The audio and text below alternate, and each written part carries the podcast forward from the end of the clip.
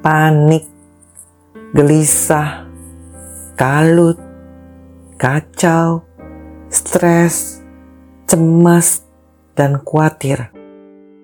Itulah reaksi yang sering kali timbul ketika kita berada dalam masalah yang berat. Kemudian kita berusaha sekuat tenaga agar bisa terlepas dari masalah yang ada dengan secepat mungkin. Firman Tuhan mengingatkan kita bahwa ada saat-saat tertentu kita perlu berdiam diri dan menenangkan diri.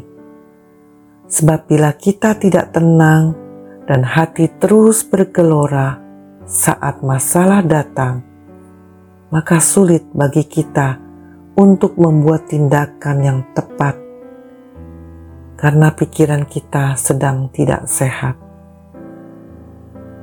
Berdiam diri artinya tenang tidak mengadakan reaksi-reaksi keras.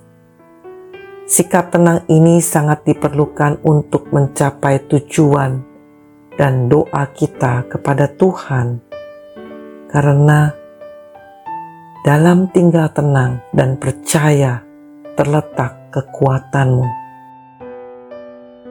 Berkenaan dengan hal ini, Daud memiliki banyak pengalaman dengan Tuhan oleh sebab itu, ketika sedang dalam masalah, Daud berusaha untuk selalu mengingat-ingat semua kebaikan dan pertolongan Tuhan dalam hidupnya.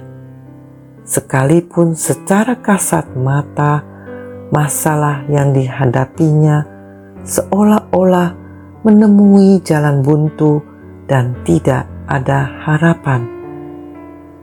Daud percaya bahwa Tuhan pasti memberikan pertolongan tepat pada waktunya. Karena itu, ia memerintahkan jiwanya untuk kembali tenang. Kembalilah tenang, hai jiwaku, sebab Tuhan telah berbuat baik kepadamu.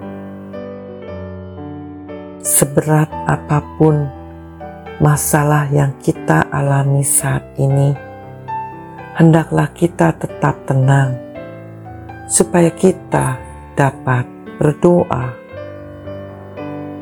Ketika para murid berada di atas perahu dan sedang diombang-ambingkan oleh gelombang karena angin sakal, mereka sangat panik. Suasana pun semakin mencekam ketika mereka melihat ada seseorang yang berjalan di atas air yang disangkanya adalah hantu. Mereka berteriak sekencang-kencangnya karena takut. Berkatalah Tuhan kepada mereka, "Tenanglah, aku ini, jangan takut." Tenang mencerminkan suatu kemantapan hati dan keyakinan bahwa Tuhan pasti sanggup melakukan segala perkara bagi kebaikan kita. Amin.